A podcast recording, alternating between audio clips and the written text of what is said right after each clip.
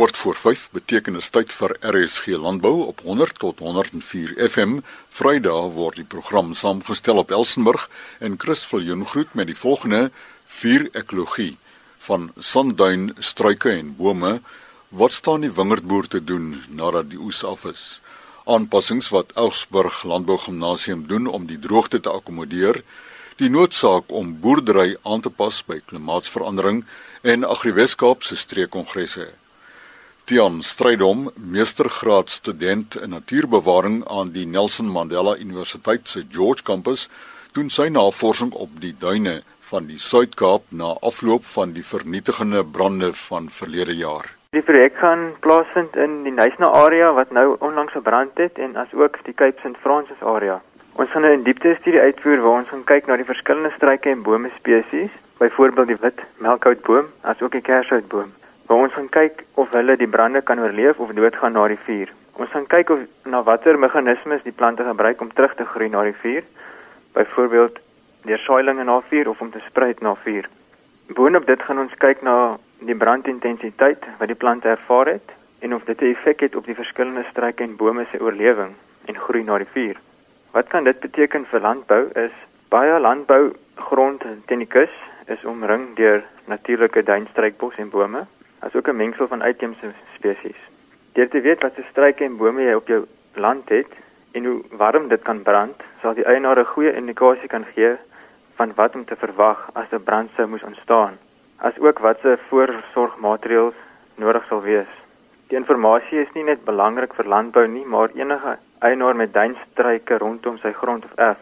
Baie kusdorpies en estates is geontwikkel in duinstruikbos areas en is dis belangrik om die vier ekologie te verstaan van die plantegroei sodat daar beter voorsorgmaatreëls kan ingestel word. As enige luisteraars meer wil weet, kan julle my kontak. My e-posadres is tian.strydom.nature@gmail.com. M student aan die Nelson Mandela Universiteit se George Campus, Tian Strydom. Gert Engelbrecht, Winprose konsultant vir die Olifantsrivier gebied, gee vervolgens raad met naoespraktyke in die wingerd. Winpro het goed gedink om na die afgeloop van die droogte getuieerde 2018 seisoen kort dokument saam te stel wat gaan oor naoespraktyke en wat uh, so 2 en 'n half bladsy dokument vol nuttige inligting uh, wat gaan oor uh, oor jou naoespraktyke en baie feite bevat dis die konsultasie afdeling in samewerking met die deskundiges van die chemiese besproeiing en kunsmisbedryf wat uh, koppe bymekaar gesit het om hierdie wenke uh wenkbladsye aan mekaar te slaan. So wat wat behandel word in hierdie kort dokument is jou belangrikste nahuispraktyke en wat gaan oor nahuisbesproeiing gaan oor uh, natuurlik beskikbare water En as jy water het, um, poog om jou volle wortelsone te benut met 'n besproeiing, bly weg van gereelde kort besproeiingkies af. Nous bemestingsprogramme word ook hierso aangeraak. Vra wat ons baie kry na hierdie na hierdie droë seisoen. Daar gaan dit oor hoeveel aktiewe blare daar nog is in die wingerd en dan nou ook natuurlik die beskikbare water wat jy het om hierdie nous bemesting weer te sit. Verder word die nous siektebeheerprogramme ook aangeraak en word witroes, witluis wat ook 'n redelike probleem is van Januarie af Muurbeheer word ook genoem daarso en alwormbeheer. So daar kan die ouens ook luister wat die uh, siektebeheerprogramme aan betref. Kan hulle ook 'n paar wenke kry. Die NOUS onkruidbeheer ook natuurlik belangrik. Ons soek minimaal kompetisie vir water vir onkruide in jou NOUS periode. So daar's 'n paar belangrike dinge wat genoem word. En natuurlik ook dekgewasse in die tyd van die eerste herfsreën as ons herfsreën gaan kry, uh, is is baie belangrik om om in ag te neem by jou besluit van dekgewasse en natuurlik ook as ons laat wil saai en ons kry laat reën kan 'n mens dan ook kyk na ander tipe dekgewasse soos voergas. Dit is ook dinge wat vervat word in hierdie dokument en dan ook laaste wat genoem word uh, onthou die merk van jou rolblad geïnfekteerde stokke vir winterbeheer van jou rolblad en die verspreiding daarvan.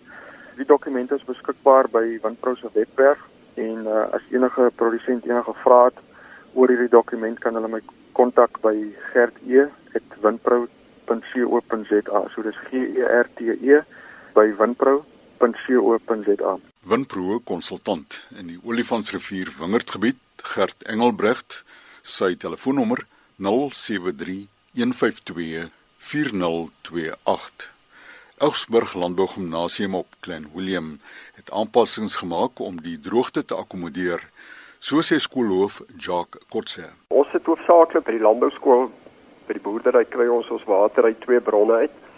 Ons kry ons water uit die Klein Willem dam. Klein Willem dam se water is van Januarie van jaar af al onder uh, ernstige waterbeperkings en op hierdie stadium is dit minimaal water wat ons van die Klein Willem Dam af kry en dis iets waaroor ons geen beheer het nie. Dit word vir ons beheer. Die skool is ook gelukkig om ons eie opgaardam te hê bo in die berg. Dis die Koos Lou Dam. Die dam het 'n kapasiteit van uh, 118 000 kubiek, so dis 'n groot dam, maar sy watervlakke is ook baie laag. Die eerste aanpassing wat ons gemaak het by ons eie dam is om watermerkers teen die wal uit te sit sodat ons ons verbruik kan monitor en kan sien wanneer het ons oorverbruik en wanneer het ons onderverbruik. Verlede jaar September het ons al begin om alle water na nie landbouverwante afdelings het ons se muur gesny. Die personeel se tuine se water is toegedraai.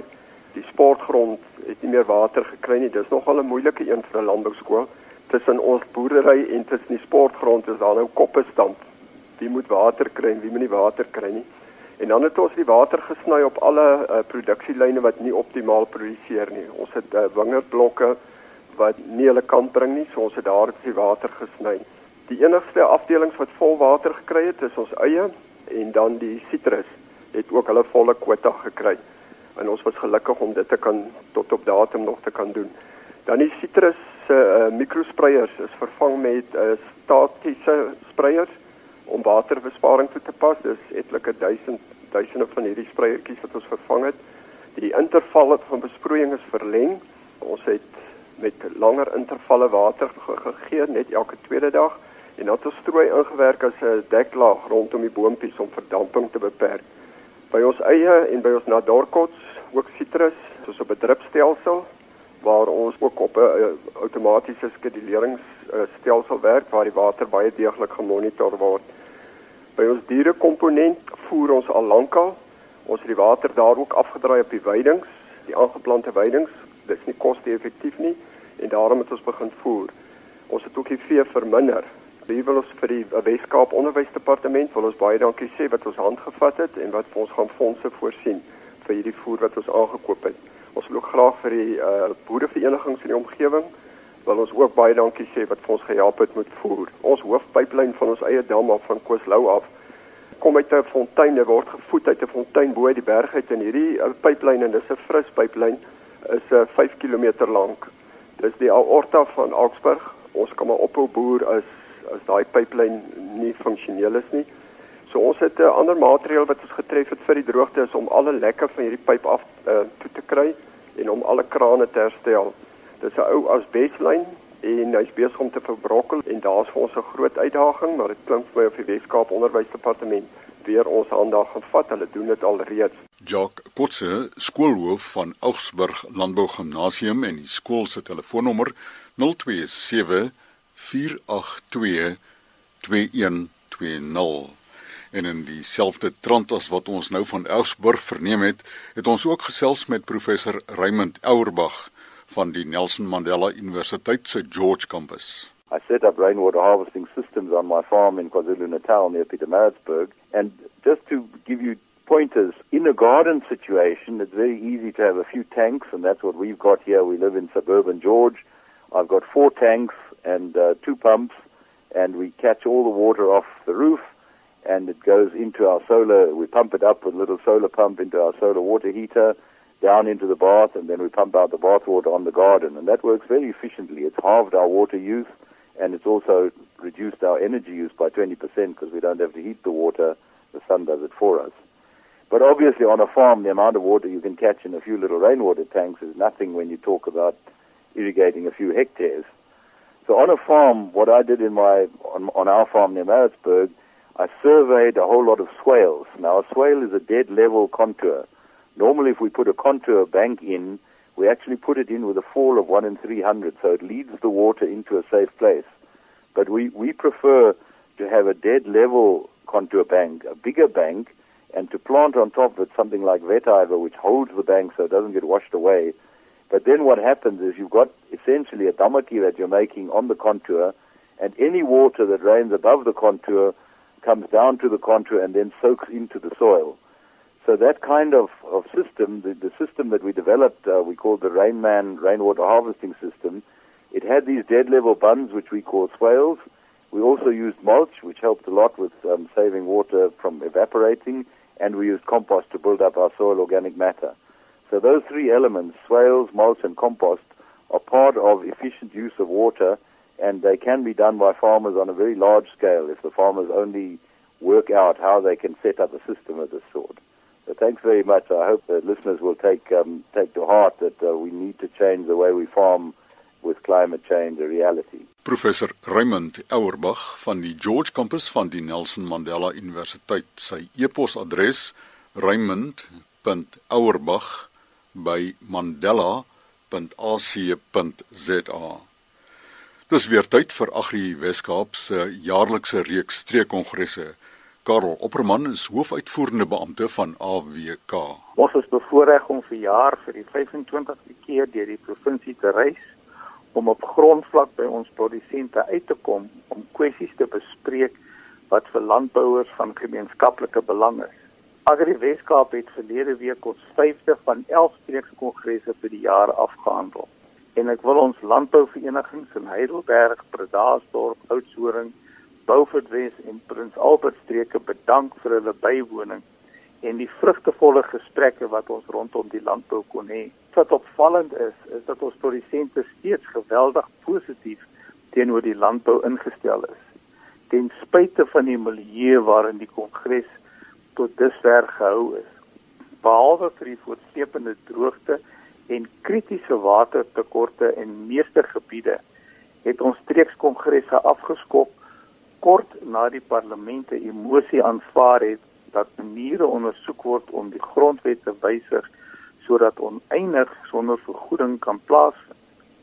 Op 1 Maart het die nuwe sektorale vaststelling vir minimumloon ook in werking getree terwyl 'n nasionale minimumloon waarskynlik op 1 Mei geïmplementeer gaan word wat twee loonsverhogings binne 3 maande vir die landbou beteken.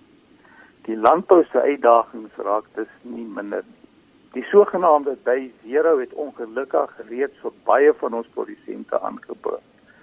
Besproeiing is verantwoordelik vir ongeveer 25% van landbouproduksie en ons vra nie om verskoning vir die feit dat die sektor 60% van die land se waterbronne gebruik nie.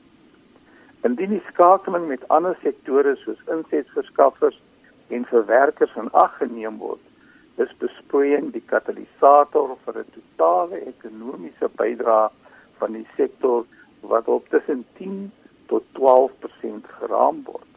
Die grondkwessie ontlok ook baie bespreking. Wetgewing soos artikel 25 van die grondwet reuse besteding deur onder andere die departement van landelike ontwikkeling en grondhervorming korrupsie soos die vrede suiwel projek en politieke opportunistiese uitsprake soos onteiening sonder vergoeding is onder meer aspekte wat meegebring het dat 'n ooreengekome visie oor grondbesit tussen al die rolspelers steeds afwesig is. Die mislukking van grondhervorming en die redes daarvoor moet gesamentlik deur alle partye oorweeg word. Chris ek wil hiermee beroep op al die Agri Weskaap se lede doen om die streekskongresse in hulle omgewing by te woon om verder tot die gesprek by te dra. Al ons produsente se insette is van groot belang om die landbousektor in die Weskaap nog meer vooruitstrewend te maak. Skakel gerus met Helena van Eden by 021 860 3806 vir meer inligting oor wanneer en waar die streekskongresse in jou streek aangebied word. Agri Weskaap sien daarna uit om al ons produsente by streekskongresse weer te sien. Die hoofuitvoerende beampte van Agri Weskaap, Karel Opperman. Hoe danig skakel die departement landbou in die Weskaap en munisipaliteite. Luister gerus môreoggend om kort voor 12 in RSG landbou. My rol kom daarin dat ek dan nou die skakeling probeer bewerkstellig tussen ons departement en met die munisipaliteite op plaaslike vlak. En ons het besef dat die landbouskoue binne die munisipale gebiede is 'n uitstekende geleentheid waar ons departement skakeling kan vind met die boeregemeenskap en ook die munisipaliteit van die plaaslike owerheid.